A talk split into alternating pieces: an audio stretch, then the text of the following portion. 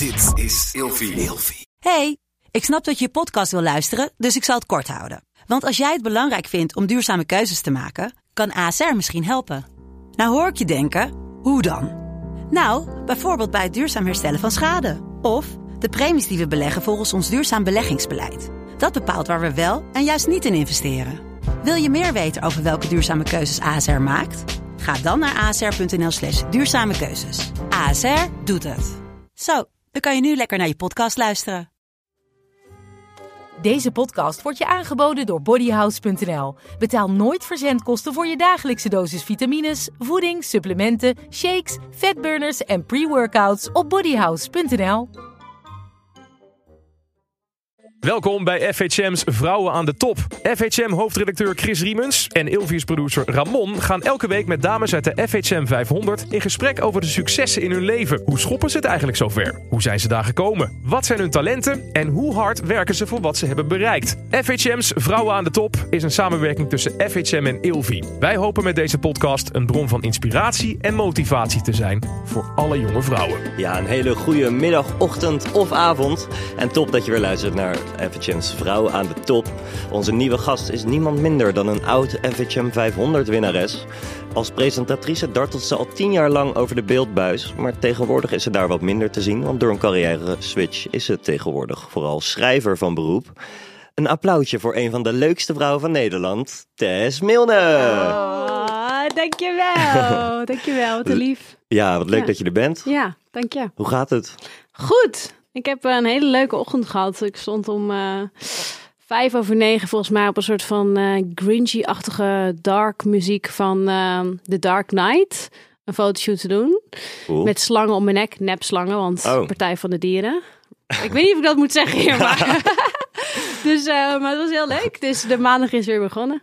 Lekker. Ja. de laatste keer eh, dat ik je zag, stonden we nog samen op een podium eh, de FHM te presenteren. I know. Wij, wij hebben eh, best wel een bijzondere relatie. Dat klinkt meteen zo van wat. Ja. Maar wij zien elkaar gewoon op hele bizarre momenten altijd. Houden altijd een beetje contact. Misschien ook je naam is hetzelfde als mijn broer, dus goed bloed.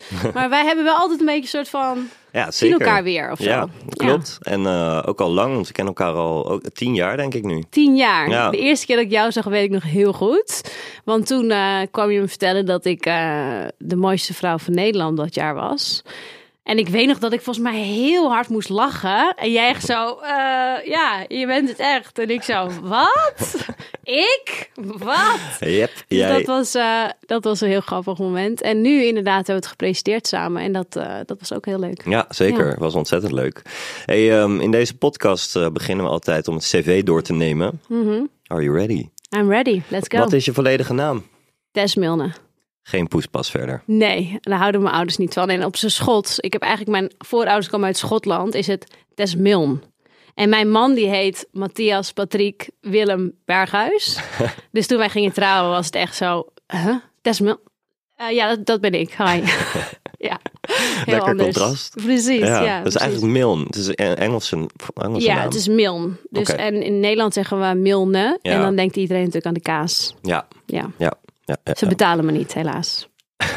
Wat is je geboorteplaats? Mijn geboorteplaats is Alkmaar, de stad van de kazen. Ja. Maar daar heb ik nooit gewoond. Het was gewoon puur het ziekenhuis. Ik ben ehm, de eerste twee jaar van mijn leven woonde ik in de Beemster. Naast een kaasfabriek. dus het is een soort van rode draad in mijn leven. Eh, en toen zijn we naar Purmerend gegaan. En eh, toen op mijn achttiende ehm ben ik naar Amsterdam gegaan. Oké. Ja, Huwelijkse staat? Getrouwd. Getrouwd. Kijk eens. Hij vroeg me toen ik 24 was. Dat is echt heel jong. En eh, toen zijn we getrouwd toen ik 27 was. Ja. Oh, wow. Ja, En hoe oud ben je nu? eh 34. 34. Sinds ik- 88. 88, jij ook? Ja, ja, ik ook. Oh, welke dag ben je jarig? Eh 6 maart. Ik ook. Nee. Nee, geintje. zoiets heet. Stel je voor, wat een du. Nee, 2 januari. Echt een topdag om jarig te zijn. Oké, ja. Nat, want iedereen heeft de kater. Niemand heeft geld. Nou, inmiddels Niemand- zijn we volwassen, dus nu hebben mensen gelukkig ook wel geld op 2 januari voor een cadeau. Maar toen wij, zeg maar 16, 20, die leeftijd, was het gewoon skeer. Iedereen was skeer, weet je wel. Gewoon hadden ze nog iets liggen, even een papiertje ermee, want Tess is nog jarig. Oh my god. En het feit dat ze er dan waren, was eigenlijk al het cadeau. Want iedereen was of nog doorgehaald van oud en nieuw, of weet je wel. Dus eh, nee, het is eh, een Eigenlijk bizarre heeft- dag. Heeft nooit iemand zin om jouw verjaardag te vieren? Niemand. En het chillen nu is dat ik, eh, nu ik twee kleintjes heb, dat ik ook tegen mensen zeg van ik blijf gewoon in bed liggen. Dat is mijn cadeau. Ik wil gewoon de hele dag in mijn bed blijven liggen. En ik wil dat er lekker eten is. En gewoon dat ik een beetje bediend word als een prinses. Dat is, Lekker. Dat is mijn cadeau. Daar ben je jarig voor. Ja, precies. Wat is je hoogstgenoten opleiding? Ehm eh, HVA. Hogeschool HVA. van Amsterdam, Media en Informatiemanagement. Oké. De HBO is dat? HBO. Ja. Het was zo'n studie die vijf keer van naam veranderde. In de vijf jaar dat ik daar zat. Weet je wel, zo Mim, Mem, Mim, Mim, Jims. Wat? Maar goed, het was voor mij gewoon een hele goede plek om eh, te presenteren. Want eigenlijk vond ik het misschien een beetje saai soms. Zeg ik dat lief? Ja, soms een beetje. Maar ik mocht altijd de presentatie doen voor de groep, want niemand wilde dat. Ik Ja. oh, wil iemand? En dan hoefde ik alleen dat te doen en dan was ik klaar Dan maak je je daarmee... eh, de- maakte ik het goed of zo. Precies, Terwijl ja. voor mij was het gewoon, ik vond het hartstikke leuk. Dus dat was een goede deal. Ja, nice. En je eerste baantje? Bij, oké, ja, mijn allereerste baantje was een beetje saai, maar dat was een krantenwijk voor een, een maand of zo. Maar Mhm. Mijn eerste echte bijbaan, zoals ik het zie, was bij een bioscoop. Chill. En dat was heel leuk, want we hadden gratis popcorn en er was een bar bij. Dus vrijdagavond mochten we drinken aan de bar en we mochten gratis de film. En eh, ik maakte dus echt gewoon van slagroom en dan pakte ik een pak M&M's. En dat deed ik bij elkaar, ging crushen. Dus het was heel veel lekker eten, heel veel lekker drinken, alleen maar met vrienden werken. En ik ging de pauzes omroepen. Dus daar maakte ik altijd een beetje zo'n MC-momentje van. Kun je, kun nog iets nadoen van die tijd? Hoe ging dat? Ehm, oh god, dat is lang geleden. hè. Doen ze dat Ehm, tegenwoordig nog? Nee, toch? Dat doen ze niet meer. Nee, dit is echt old school. Dit is echt nostalgisch. Dus het was zoiets van... ehm, Over vijf minuten gaat de film beginnen in zaal 2. The Godfather. Veel plezier. En dan kon ik nog wel eens een beetje lijp worden. Dan ging ik een quote of zo opzoeken. Weet je, zoiets geks.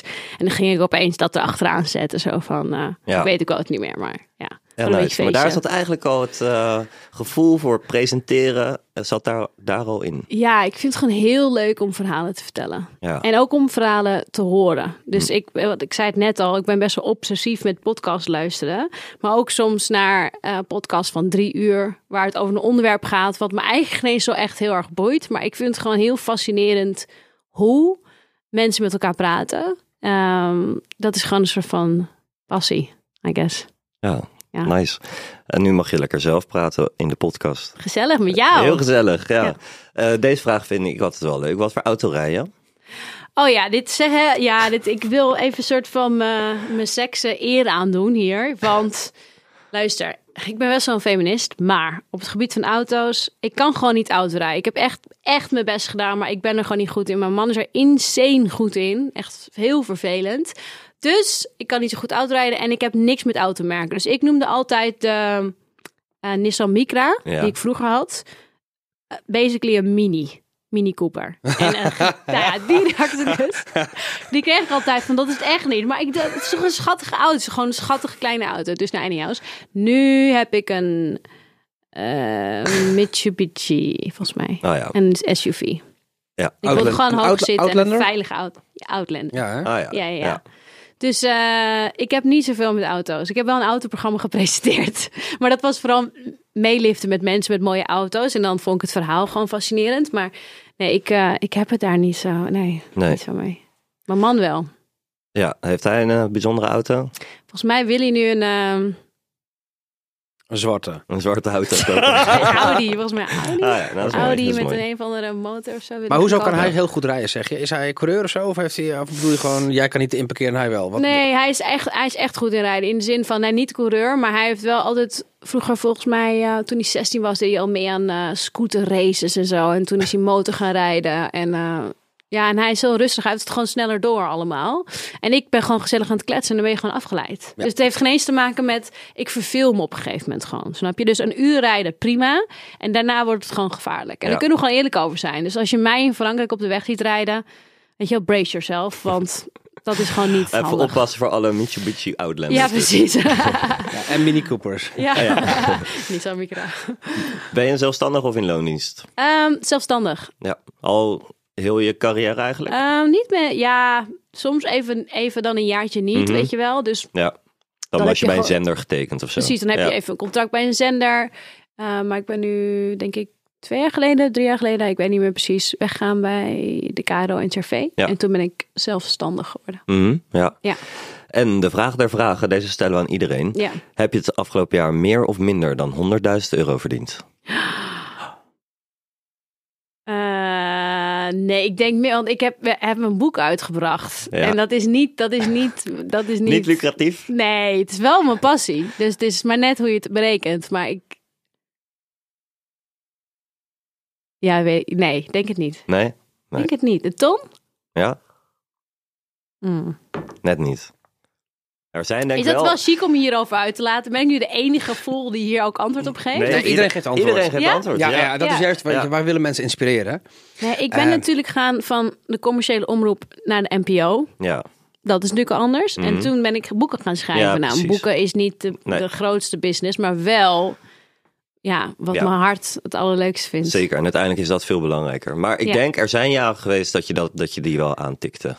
Kan, maar heel eerlijk, ik ben nooit echt daar. Ja, dat klinkt. eh, Misschien was ik ook te jong, snap je? Mhm. Dus ik, ik kocht mijn eerste huis toen ik ehm 24 was of zo. Ja, Weet je wel? Dus toen kon het nog. ja, en, ik, en het is niet zo dat ik het einde van het jaar ga optellen hoeveel geld ik verdiend heb. Nee. Dus dat is het ook echt. Ik heb, ik heb, ik, ik zou er letterlijk geen antwoord op Nee. kunnen geven. Nee, maar prima. ik, ik mag niet klagen. Goed zo, goed zo. Ja. Wat wilde je vroeger worden als klein meisje?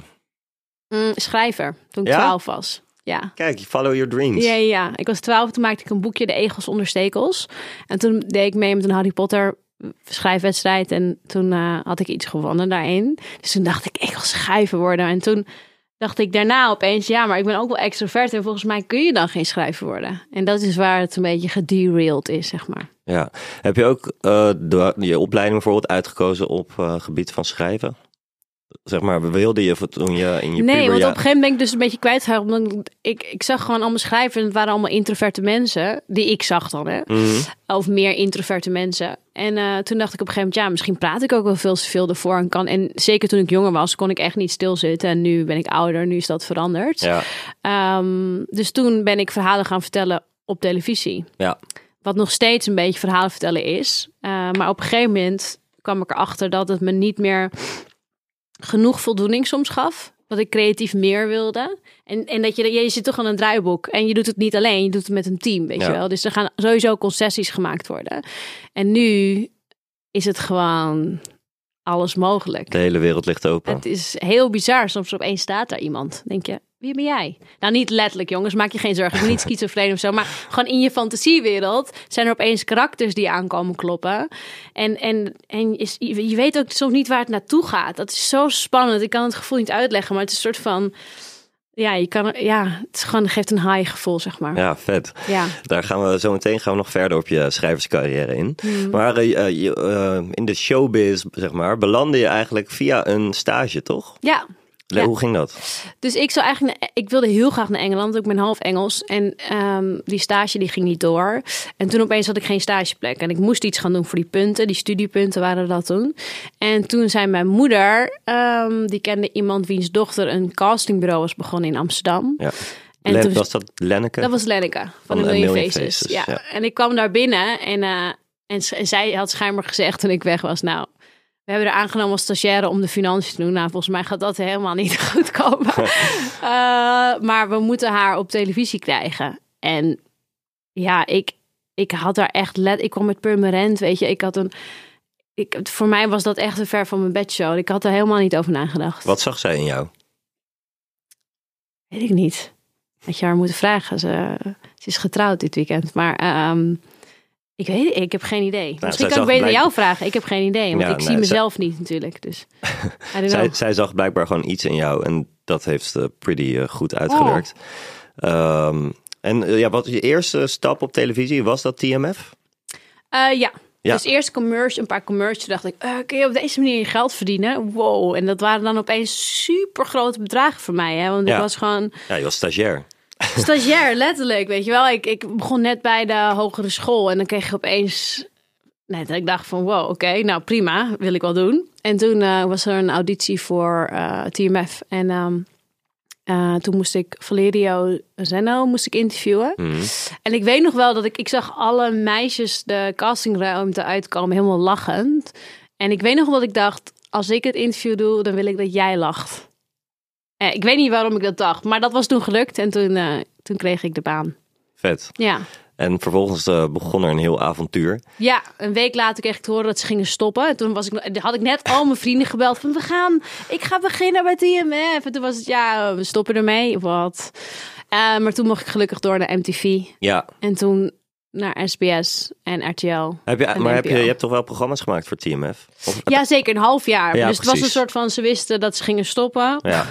Toen begon ik. Eh, en toen eh, heb ik daar een half jaar gepresenteerd. En toen ben ik daarna verder gegaan bij MTV. ja, je hebt eh, TMF geclosed samen met Veronica van Hoogdalen. Klopt ja, dat? klopt. Ja, ja, ja. Ja. ja. En ja, het was weliswaar maar een half jaar dat je daar hebt gezeten, maar TMF is een kweekvijver van presentatietalent. Mhm. wat, wat maakt dat zo'n goede leerschool?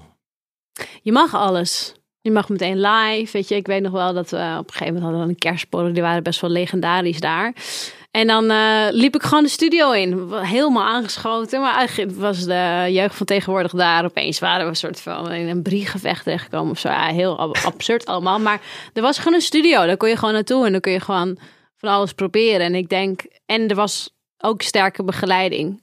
Ehm, dus je werd echt begeleid. Het werd echt serieus genomen. En dat, ja, dat hielp wel, denk ik. Ja, ja dat lijkt me ook. Ja. En wat voor eh, wereldsterren heb je, eh, heb je allemaal geïnterviewd daar? Oh my god. Behalve de jeugd van tegenwoordig. Ehm, eh, Eva Mendes. Ja, die Ehm, actrice actrice. Hele knappe actrice. van de Transformers geloof ik. Of de Fast and Furious, Fast and? Furious, ja. Fast and Furious, ik. Ja.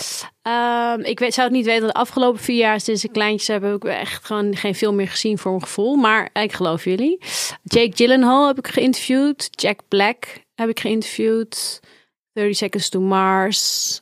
En mijn favoriet, die is eigenlijk misschien op wereldniveau niet eh, heel groot. Maar die vond ik heel, heel leuk om te doen. Stromae. Oh, vet. Ja, ik had wel een beetje een crush op hem, als ik heel eerlijk ben. Ja, Dat was wel echt, ik vond hem zo indrukwekkend. Dat weet mijn man ook hoor. Mhm. Want hij is, hij is gewoon, en mijn man is dat nu, hij- mijn man is ook heel creatief. En ik vind dat gewoon, en dat zag je ook bij hem. Hij is, ja, heel creatief en ehm, indrukwekkend. ja, maar hij was ook een van de sterren op, eh, Low- of de grote ster op Lowlands dat hoorde ik, ja, ja, ja. Ja, het- goed, zijn show schijnt echt waanzinnig goed te ja. zijn. Er zit, eh, hij is zo'n purist. En dat was toen al merkbaar, terwijl hij het volgens mij destijds echt een hit had. Maar eh, ja, dat was wel een, eh, een heel leuk interview. Ja. En hoe lang heb je, heb je bij MTV gezeten?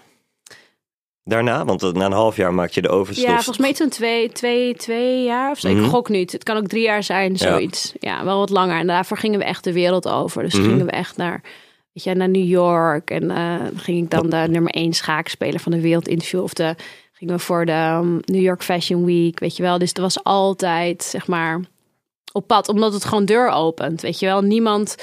Kijk, als je met MTV naar eh, Amerika gaat, dan ze herkennen het merk. Dus je hebt veel mogelijkheden. Ja. Dat is leuk. Ja, zeker. Het Buiten spelen. ja, zeker weten. Zo'n Ja. groot, het is gewoon zo'n groot merk dat, eh, dat je overal binnenkomt. Precies, ja. Maar het was dus ook meer lifestyle, dus niet alleen muziek. Eh, niet alleen muziek, nee, het was ook zeker lifestyle. Het was echt een combinatie daarvan. En ehm, ja, ik weet nog wel dat ik gewoon, ik denk dat ik toen 24 was of zo, 3, 24. En toen vloog ik in mijn eentje naar New York. En dan stap je uit op Times Square en dan denk je, oh my god. Mhm. Ik ontdekte zo de wereld, zeg maar, waar misschien de meeste jongeren eh, drie, jaar ga- drie maanden gaan reizen, als dat kan. Eh, was het voor mij op die manier, zeg maar. Weet je, ik heb alle continenten gezien, maar altijd wel met een cameraploeg of met zelf een camera in mijn handen. En eh, het was een, een gekke manier, maar ook heel avontuurlijk. Ja, Ja, vond je Ja. dat ook het leukste aan je tijd bij MTV? het buitenspelen. Ja. Zeker. En het soort van freewheelen en het soort van live verbinding. En opeens konden we niet meer terug naar de studio. Dus dan moest ik gewoon een uur lang vol lullen. En gewoon dat, dat vrije, dat was heel leuk, ja.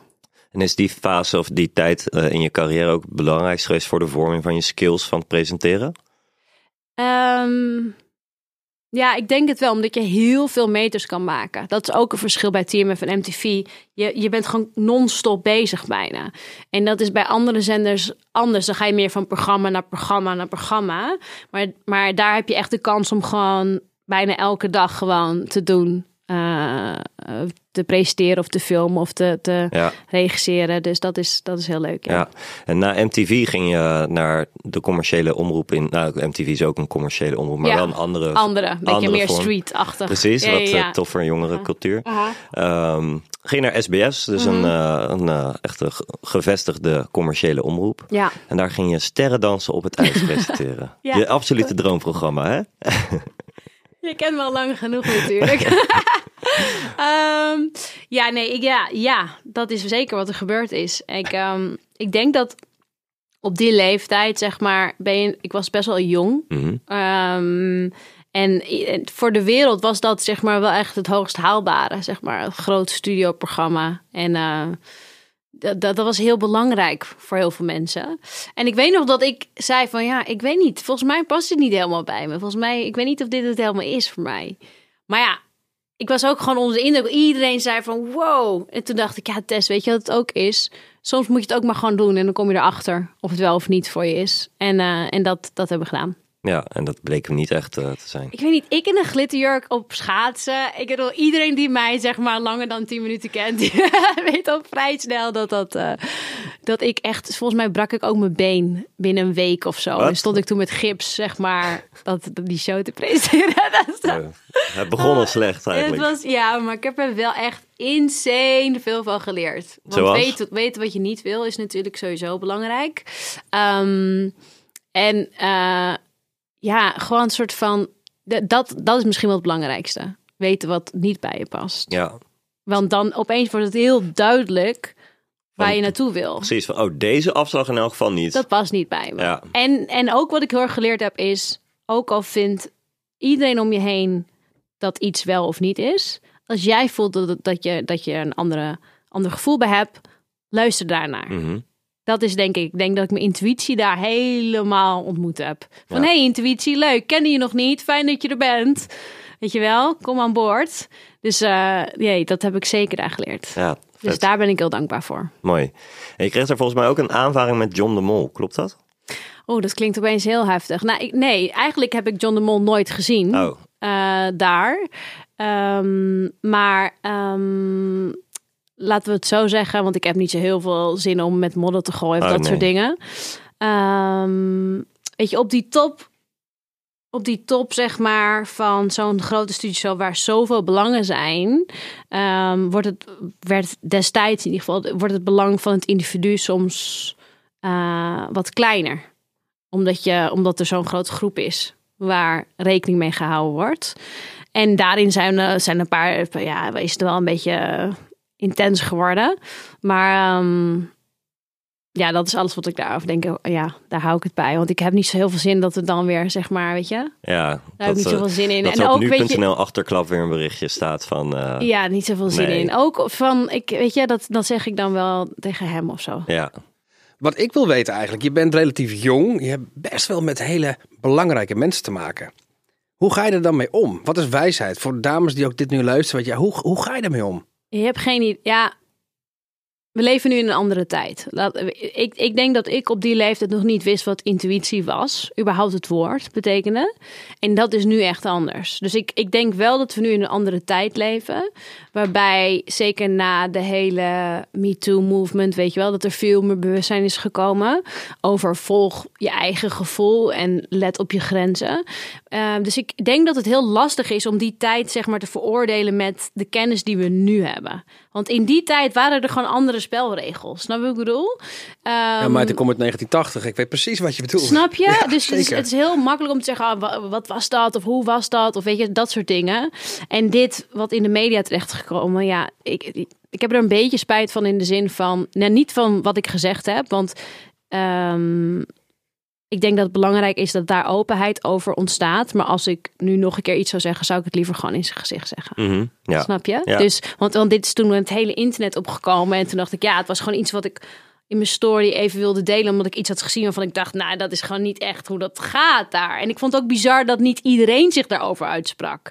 En nu, met alle ontwikkelingen die er nu zijn, merk je ook dat, dat er een ver- vervolg is geweest op de eerste boos aflevering natuurlijk. Maar Nee, dat zeg ik liever gewoon tegen hem dan. En dan heb ik niet zo heel veel behoefte om dan eh, bij een podcast of bij whatever. Snap je? Maar ik vind het wel goed dat je zegt dat ze waren vroeger andere tijden. Want ik heb het zelf ook meegemaakt. Weet je, ik ben 41. Ik zit al 23 jaar in het mediavak. Ja, Ehm, de mensen die ertoe doen, die beslissingen maken, Mm. die denken tegenwoordig ook wel even zes keer na. Hè? ja, Dus gelukkig. het is iedereen ja. met z'n allen ehm, zijn we wat ehm, meer menselijk geworden. Ja, ik. dat is goed. Dus we zijn eh, aan het eh, evolven. Dat is Ja. gewoon de conclusie, Nee, denk ja, ik. dat zeker. Dat is een hele goede ontwikkeling. ja.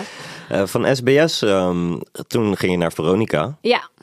Hoe kijk je terug op die tijd? Daar heb je wel, wel flink wat programma's gemaakt. Eh, ja, ehm, ja, zo, dat is lang geleden alweer ook. Ehm, Ranking the Card, Inside Gamer. klopt, ik, Inside Gamer, daar heb ik mijn beste vriend leren kennen. Simon Zeilemans is nog steeds, ja, is nog steeds mijn beste vriend. Dus daar ben ik heel dankbaar voor. En wij hebben gewoon zoveel avonturen beleefd. De eerste roadtrippers hebben we daar gemaakt. Dus eh, veel van de wereld gezien en eh, ja, lijpe avonturen beleefd. Ja, vet.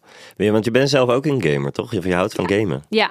Ja, nu als moeder wederom Iets Want minder het tijd. feit dat ik nu hier zit is, is al een godswonder. Maar eh, Waarvoor ja, ik heb wel heel veel liefde voor games, ja. Ja.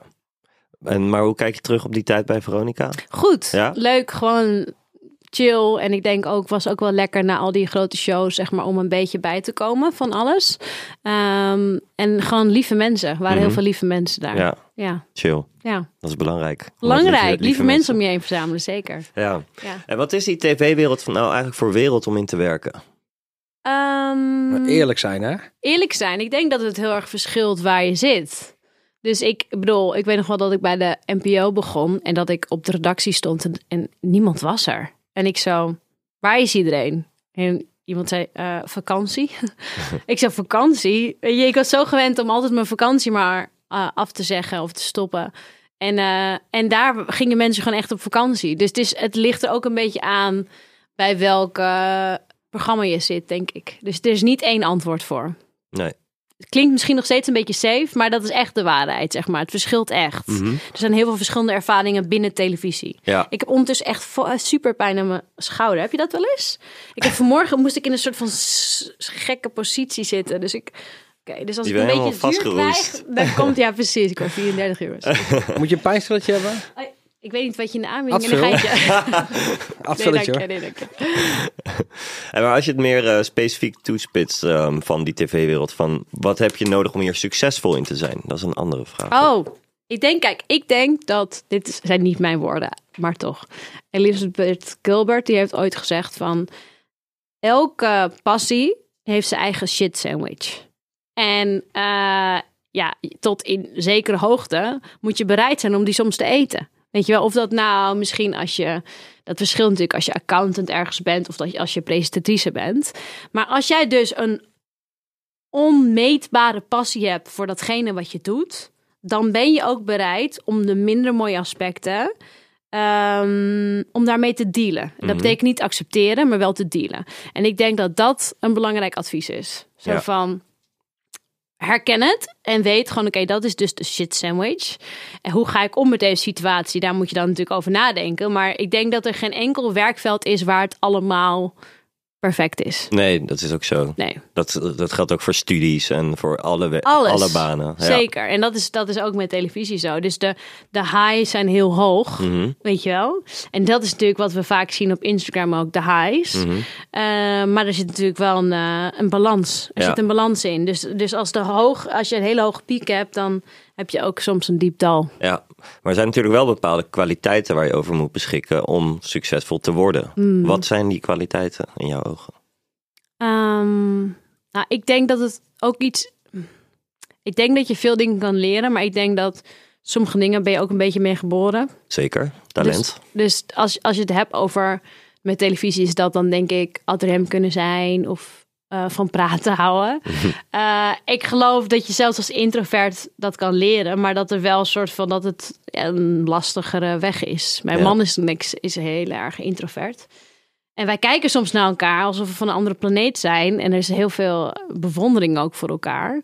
Ehm, maar ja, sommige dingen zitten er ook een beetje in. Mhm. En dat, dat gevoel heb ik wel. Ook als ik het heb over, over presenteren of zo, weet je wel. Maar als mensen aan mij vragen, oké, wat is het advies als ik een spannende presentatie heb of ik moet iets doen wat ik super eng vind, Ehm, dan ik heb ooit het advies gehoord van besef dat iedereen in de zaal, stel je voor je gaat op je bek, ja, jij doet de presentatie, je gaat op je bek, ik zeg maar wat.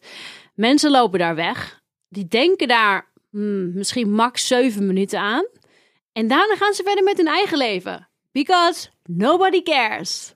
Nobody cares. Ze hebben hun eigen sores, hun eigen to-do-list, hun eigen schoonmaaklijst die nooit stopt. Dus dit is, als je het zo denkt, dan opeens komt er heel veel ruimte. En dan denk je ook gewoon, weet je, jongens, ik ben van podia's gevallen. Ik heb, eh, ik heb ook wel zo'n blackout gehad, volgens mij, vast wel. Maar anyhows, ik heb echt van alles meegemaakt. Ik heb me zwaar verschut gezet. En er is volgens mij niemand die nu zit te denken, hmm, die test, weet je nog, op twee 2 februari 2007. Nee, natuurlijk niet. We hebben een leven, als het goed is. Ja. Heeft iedereen gewoon een leven. Ja, Ja, zeker. ja, precies. Heel goed eh, advies. Zeker. Ja, daar hou ik me aan vast ook, jongens. Ja, dat helpt, helpt heel erg relativeren. Ja. En dan pla- maakt het gelijk een stuk makkelijker als je op zo'n eh, podium staat. Hoe was dat voor jou dan, het presenteren? Want wij hebben samen nu Ja, gepresenteerd. klopt. Uh, ja, ik vind het ook altijd spannend om, uh, om dat te doen. En ik had dus de laatste keer voor de laatste FGM 500 Awards... had ik echt, echt zo'n fuck-up waarbij ik een blackout kreeg en dat helemaal kut ging. Was dat voor ons? Ja, dat was zeg maar de. We hadden, we hadden in december vorig jaar hadden we een kalender release. En de, te- nou, toen moest ik ook even. Het was een klein, klein evenementje. Mhm. Maar er waren wel vier cameraploegen en zo. En er waren iets van 50 man. Dus dat is klein vergeleken bij FGM 500, waar er 700 waren of zo. Ja.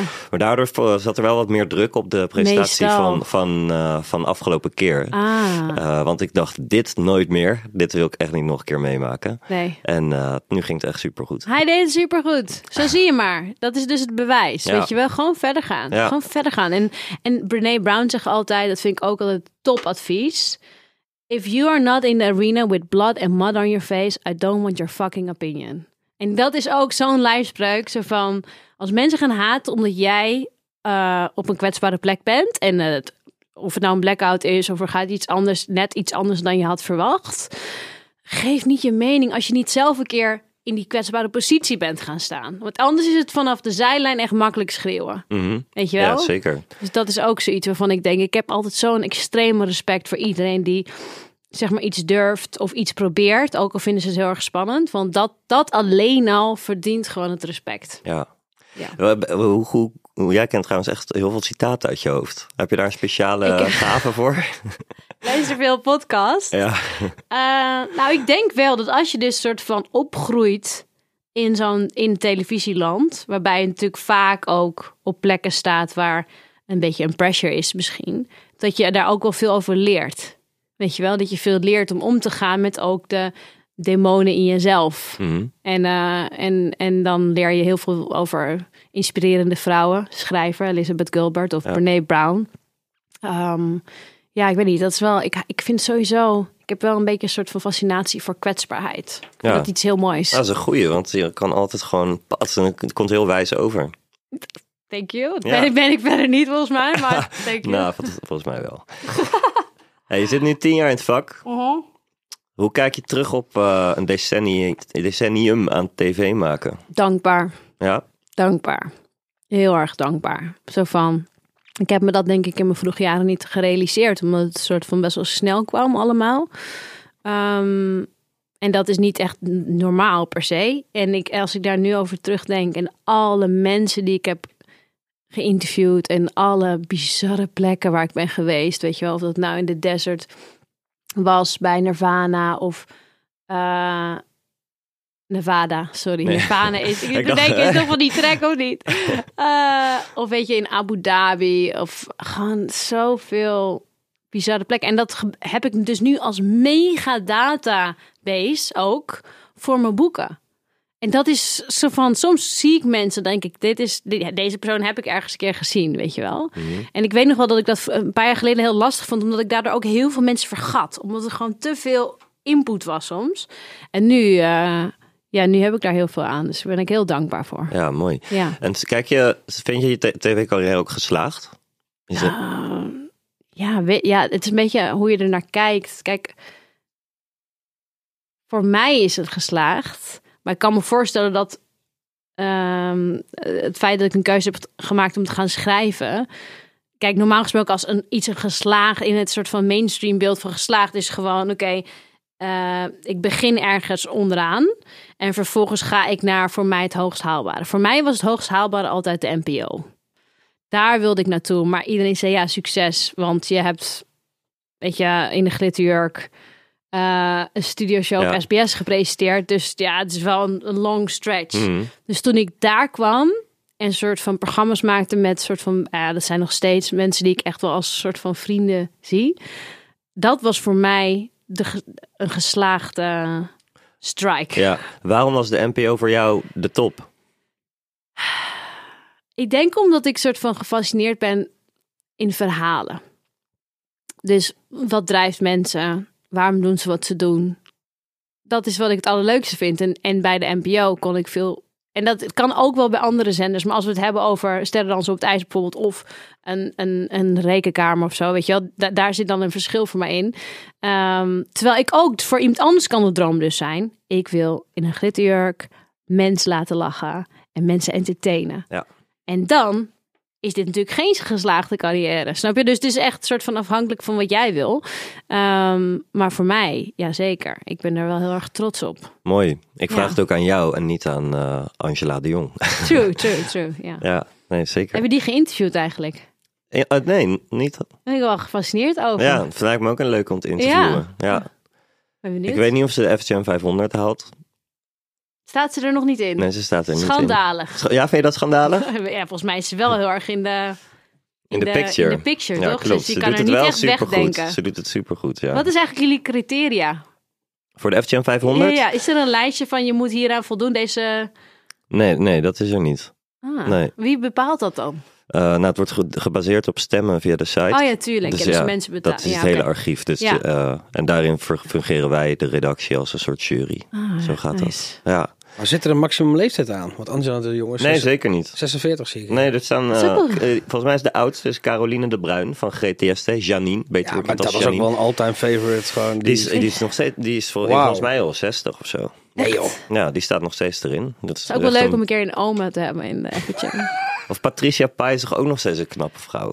Hoe oud is zij nu? Ja, ook, Nee. eh, zoek jij ze dat eens even op. Hoe oud is Patricia Pai? Oh, ik was bij Caroline de Bruin bezig. Maar goed, Oh. ik, zal ik, ik zal snel even kijken. Het is wel...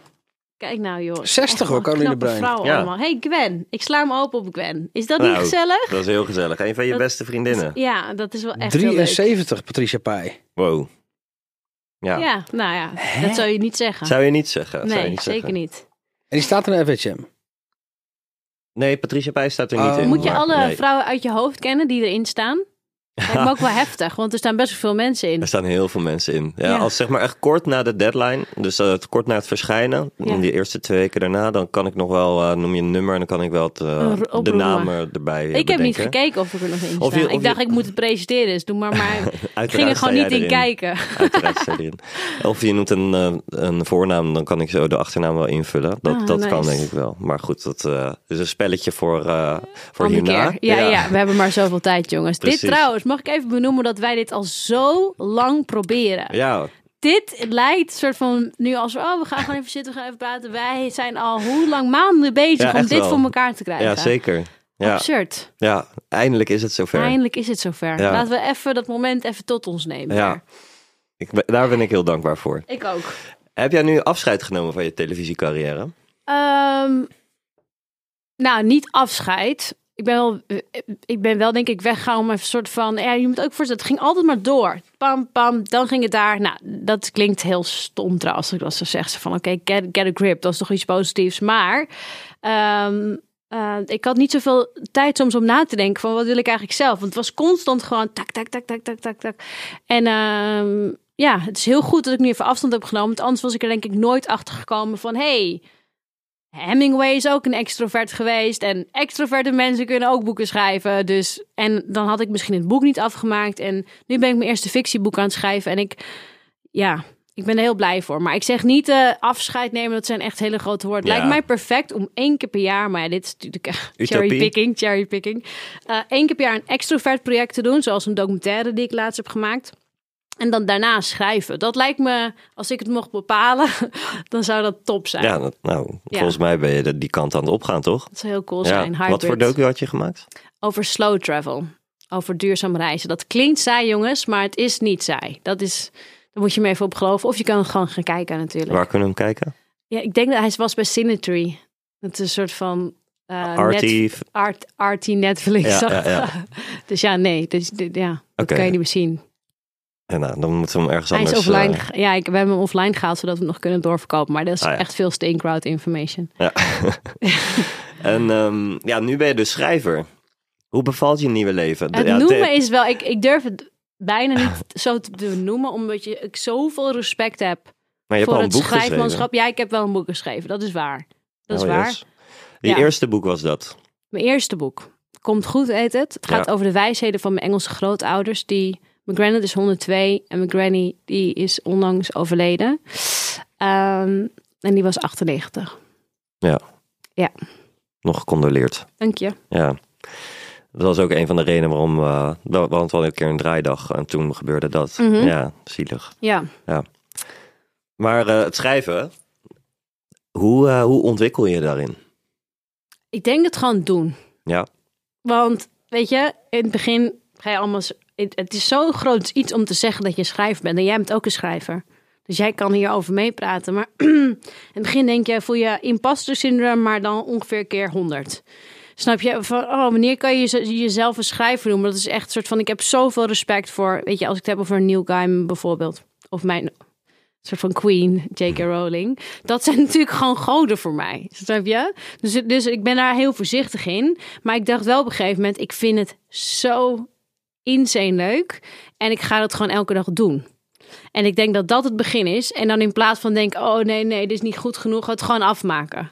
En dan zal ik waarschijnlijk over vijf jaar terugkijken en denken, oh dat boek, ik was eigenlijk nog een beetje aan het zwabberen. Maar goed, weet je, we gaan gewoon door.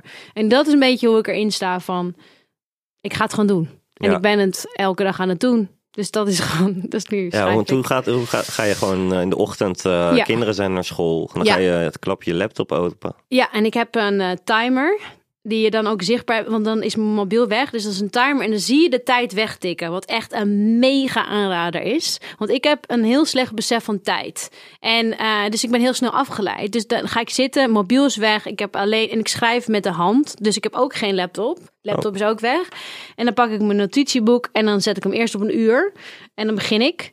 En dan begin denk ik, oh, dit is echt niet goed. Nee, dit is heel soms gaat het meteen soepel, maar vaak is het, oh god, Jesus, Tess, oh mijn god, ben je echt weggegaan bij de Karo om dit, oh god, dit gaat niet goed komen, oh, oh.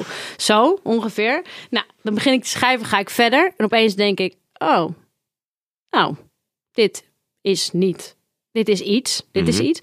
En dan het tweede uur merk ik dat, eh, dat er meer een flow in zit en dat ik dan gewoon verdwijn. Ja. Dan op een gegeven moment, maar ik schrijf, dan, dan schrijf ik het ook niet echt of zo. Het is bijna alsof je dan een soort van. Alsof ga, iemand- ga je het dan later over, over tikken? ja, het alleen de uitdaging is dat mijn handschrift is een beetje dat van een 12-jarig jongetje. Alle respect naar, ik heb zelf ook jongens. Eh, en mijn man, die, die is ook kalligrafeur. Dat je denkt, hij heeft een insane mooi handschrift. Maar ik vind het een beetje oneerlijk. Van, hé, hey, wacht even. Hoezo heb jij dat handschrift eigenlijk? Maar goed, ik, eh, ja, dus dat is nog wel een beetje een uitdaging. Want ik ben het nu ook voor de uitgeverij aan het eh, overtypen weer. Ja, En dat is wel een eh, crime. Maar het, En- scheelt, ja het, eh, wat scheelt er? het scheelt wel met de focus, vind ik. Het is heel fijn. En, en het is ook een andere energie als je, vind ik, en met de hand schrijft. Ik, ik, ja, het voelt alsof je het ook overal kan doen. Ik kan nu gewoon pam. En dan kan ik gewoon gaan schrijven. Ja, Ik heb straks Ja. een tip voor je. Mijn vrouw is ook auteur. Oh, En die, echt? en die heeft, ja, en die heeft een tablet, dat schrijft ze met, dat voelt als schrijven. Oh. En dan kop je met je computer en dan zet hij alles om met letters. En letters. Hoef je niks over te typen. Wow. Wow. Is ik- het 2022? hell yes. Are we here? Wat gruwelijk. Wat voor boeken heeft je vrouw geschreven? Eh, de relatie APK. oh. En van Nienke Nijman, dat is zij. En ze is nu bezig met Bruna, een nieuw boek. Dat gaat ook over seks. De relatie APK. Ging het over jullie relatie? Nee, nee, zij is seksoloog en Oh, oké. ik en een wil zeggen van, oh shit. Ja, nee, ja, ja, ze lult wat. Nee, het is totaal niet autobiografisch. Ik ontken alles. Ah! heb jij het gelezen, dat boek, of niet? Eh, ik heb eh, deel, deels gelezen, ja. Nice. Ja, ja Ah, zeker. ben. Ik ga leerzaam, checken. Leuk, leerzaam. leuk. Absoluut. Dus ja, dus dat. Dus Ja. daar zit ik niet helemaal in, joh. En laatst was er opeens een regenachtige dag. En daar, toen was ik helemaal blij natuurlijk, hè. Helemaal die aesthetic. Warme chocolademelk, koffie, filterkoffie. Ik ging er helemaal voor. Maar ehm, nee, ik ben gewoon gelukkig. Als ik, elke, als ik elke dag kan schrijven, dan ben ik gewoon... Dat maakt me gewoon heel gelukkig. Ja, en er Ja. zit nog een groot verschil tussen eh, non-fictie en fictie, Ja. waar je nu mee bezig ja, ja, bent. Ja, ja, ja, dat is wel een different ballgame. Ja. Dan was ik even, maar dat, ik was er, ik heb wel al eerder fictie geschreven, maar gewoon korte dingen en zo van, oh, ik kan dit echt, weet je, dat je gewoon gaat schrijven en denkt, jeez, want er zijn zoveel dingen waar je niet over nadenkt als je eh, gewoon leest, maar niet schrijft nog, is, weet je, je hebt zoveel verschillende perspectieven. Je hebt de, de, de- persoon die het verhaal vertelt, je hebt de verschillende vormen, je hebt, weet je, wie is eigenlijk de- persoon die het verhaal vertelt? Wat is zijn ding? Wat, wat, wat voor gevoel zit daarachter? Hoe groot schrijf je de wereld? Weet je, ga je daar heel uitgebreid over praten of niet? En wanneer is het te veel? En wanneer, nou goed, het is eh, oneindig. En ik heb een masterclass van eh, Neil Gaiman gevolgd. Ehm, een van mijn favoriete boeken, The Ocean at the End of the Lane. Was het online? Huh? Online? Online? Ja, ja, ja. En, eh, en hij omschrijft het zo van soms heb je echt het gevoel alsof je high bent. En soms heb je het gevoel alsof je langs een afgrond rijdt. Eh, en er is heel veel mist. En je hebt één, één lamp aanstaan. En dat je denkt, elk moment kan ik gewoon van de refrein afvallen. En dat is, eh, ja, dat is ook wel hoe ik het zie. Ja. Je bent dus wel heel eh, bewust bezig om een betere schrijver te worden. Bijvoorbeeld door zo'n masterclass te volgen. Ja, ja ik neem het wel. Ja, en ik, ik neem het wel heel erg serieus. Dat ik denk van als ik, als ik dit wil gaan doen, dan. eh, ik bedoel, niet veel mensen die ik ken maken nog een carrière switch. Nou, niet helemaal, maar gewoon, oké, wel een beetje. Mhm. eh, op een latere leeftijd. Dus ja, dan moet ik ook wel echt mijn best gaan doen. Ja. Zo, zo voel ik het een ja. beetje. En wil je ook eh, columns gaan schrijven of interviews doen voor kranten? Of wil je gewoon echt puur richten op boeken schrijven? Ik denk dat columns ook leuk zou vinden. Heb ik ook wel gedaan. eh, tot nu toe best wel veel. En, ehm, maar voor de rest, ja, die focus is voor mij wel goed. Want ik, ik laat me snel afleiden. Dus, ja, en ik wil gewoon, ik wil gewoon doorpakken. Ik wil gewoon doorgaan. En misschien wordt het helemaal niks. En dat is ook nog een mogelijkheid. Soms heb je toch die stem en denkt, wat nou als dit helemaal niks wordt. Maar daar, dan daar tegenover staat dat ik dan in de schelte mag staan. En dan opeens mijn eerste boek zie. En dat ik zo echt een freakster gewoon. Dat iemand op een gegeven moment tegen me zei van, are you oké? Ik zo, "Oh, sorry hoor, dit is zo bizar gewoon. Mhm. Zo bizar dat er iets in je hoofd is en dan opeens is het daar. Ja. En voor dat eerste boek moet ik een shout-out doen naar Pascal die alle to-do's heeft gemaakt voor het boek. Maar ehm, ja, zij is ook helemaal Ja, het gewoon vet. heel cool. En in hoeverre helpt het bij zo'n carrière switch dat je een bekend persoon bent? Oh, 100%. Ja, dat is natuurlijk heel veel. Maar dat maakt dat ik het ook nog soort van eh, serieuzer. eh, Extra bewijsdrang? ja, 100%. Ja. Ja, ik wilde dus eerst ook mijn eh fictieroman ehm, wilde ik gewoon opsturen anoniem naar een uitgeverij. Want ik dacht, anders gaan ze misschien niet eerlijk zeggen of het gewoon niet zo goed is. Weet je wel? Maar toen had ik een beetje informatie gekregen van verschillende kanten. Van ja, die stapels, daar wordt niet heel vaak naar gekeken. Dus dan is de kans ook heel groot dat het gewoon niet gelezen wordt. En daarin helpt het natuurlijk. Ja. Ja, daar kunnen we heel moeilijk over doen, maar dat is gewoon zo. Ja, tuurlijk. ja. Maar uiteindelijk heb je dat eh, eh, steuntje voor jezelf gecreëerd, toch? In de afgelopen tien jaar.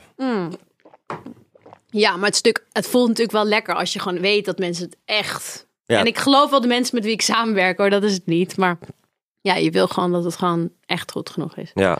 Ja. En heb je, heb je de uitnodiging voor het boekenbal al binnen? Nee. Durf je daar naartoe? Nou, ik was wel laatst voor het eerst op een boekenborrel. Oké, een En boekenborrel. eh, in een hele mooie t- ja, soort van eh, achtertuin in Amsterdam. En eh, ik stond daar en ik dacht, als dit een televisieborrel is, dan weet ik precies de dynamiek. Ik weet precies die persoon, die persoon, dat. Ook een beetje wat soort van de normen en waarden zijn van zo'n plek. En hier, ik had geen idee, joh. Opeens stond eh, Sylvia Witteman volgens mij naast me aan een tafel. Waar ik ook een soort van, eh, volgens mij zei ik heel, soort van, sorry ja, ik heb alle snacks opgegeten. of Zo. Ja, het was ik heb geen idee. Ik was echt echt een soort van, dat ik denk van, oh, weer iets heel anders. Maar ook heel spannend en leuk. Ja, spannend hoor. Ja. En wanneer, wanneer komt je boek uit? Is dat al, heeft het al een datum of eh, krijg je alle tijd? Nou, ik mocht eigenlijk nog niet eh, schrijven van mezelf. Ik dacht, mijn eerste boek is net uit, dus chill gewoon even. Maar ik, had, ik vind het gewoon te leuk, dus ik ben gewoon begonnen. Dus dat duurt nog wel even, zeker. Ehm, maar Ja, dat is niet erg. Nee. Nee. Mooi. Ja, we zouden echt nog eh, uren door kunnen lullen. Maar Mm. het moet ook voor de luisteraar een beetje behapbaar blijven. Dus, Precies, eh, ja, dat klopt. En er staat nog iemand te wachten, want ik was te laat. Kunnen we ook eerlijk over ja, zijn. kunnen we ook eerlijk over zijn. Wie komt er nu eigenlijk? Nu komt de volgende is uh, Noor Omrani. Oh, Hockeyster van Jong Oranje nice. en Den Bosch. Ah, was hij niet genomineerd ook bij de... Zo een winnares zelfs. Ja. Van de WAG Award. Weet je nog? Wack. Dat klinkt, klinkt een WAG. beetje als die... Jij eh, vroeg nog, wat is dat? Het klinkt toch als die videoclip. Wat was het ook? Een wet ass pussy. Maar jij als... Eh, wet? Jij Nee? met je Engelse roots zou het moeten kunnen kennen. Want WAG is in de Engelse tabloids de term voor wives and girlfriends. Dat, Maar wanneer lees ik de Engelse tabloids? die lees je niet, maar Dit- met je Engelse roots zou je, daar, zou je daar kennis van moeten hebben. Oké, nu weet ik het, nu weet ik het. Ja. Veel plezier. Dankjewel, komt goed. Maar de slotvraag van deze podcast luistert altijd naar, is als volgt. Die luistert niet, die is als volgt. Eh, wat is het beste advies dat jij ooit hebt gekregen? Oké, dus ik heb erover nagedacht, want er zijn er veel waar ik heel dankbaar voor ben.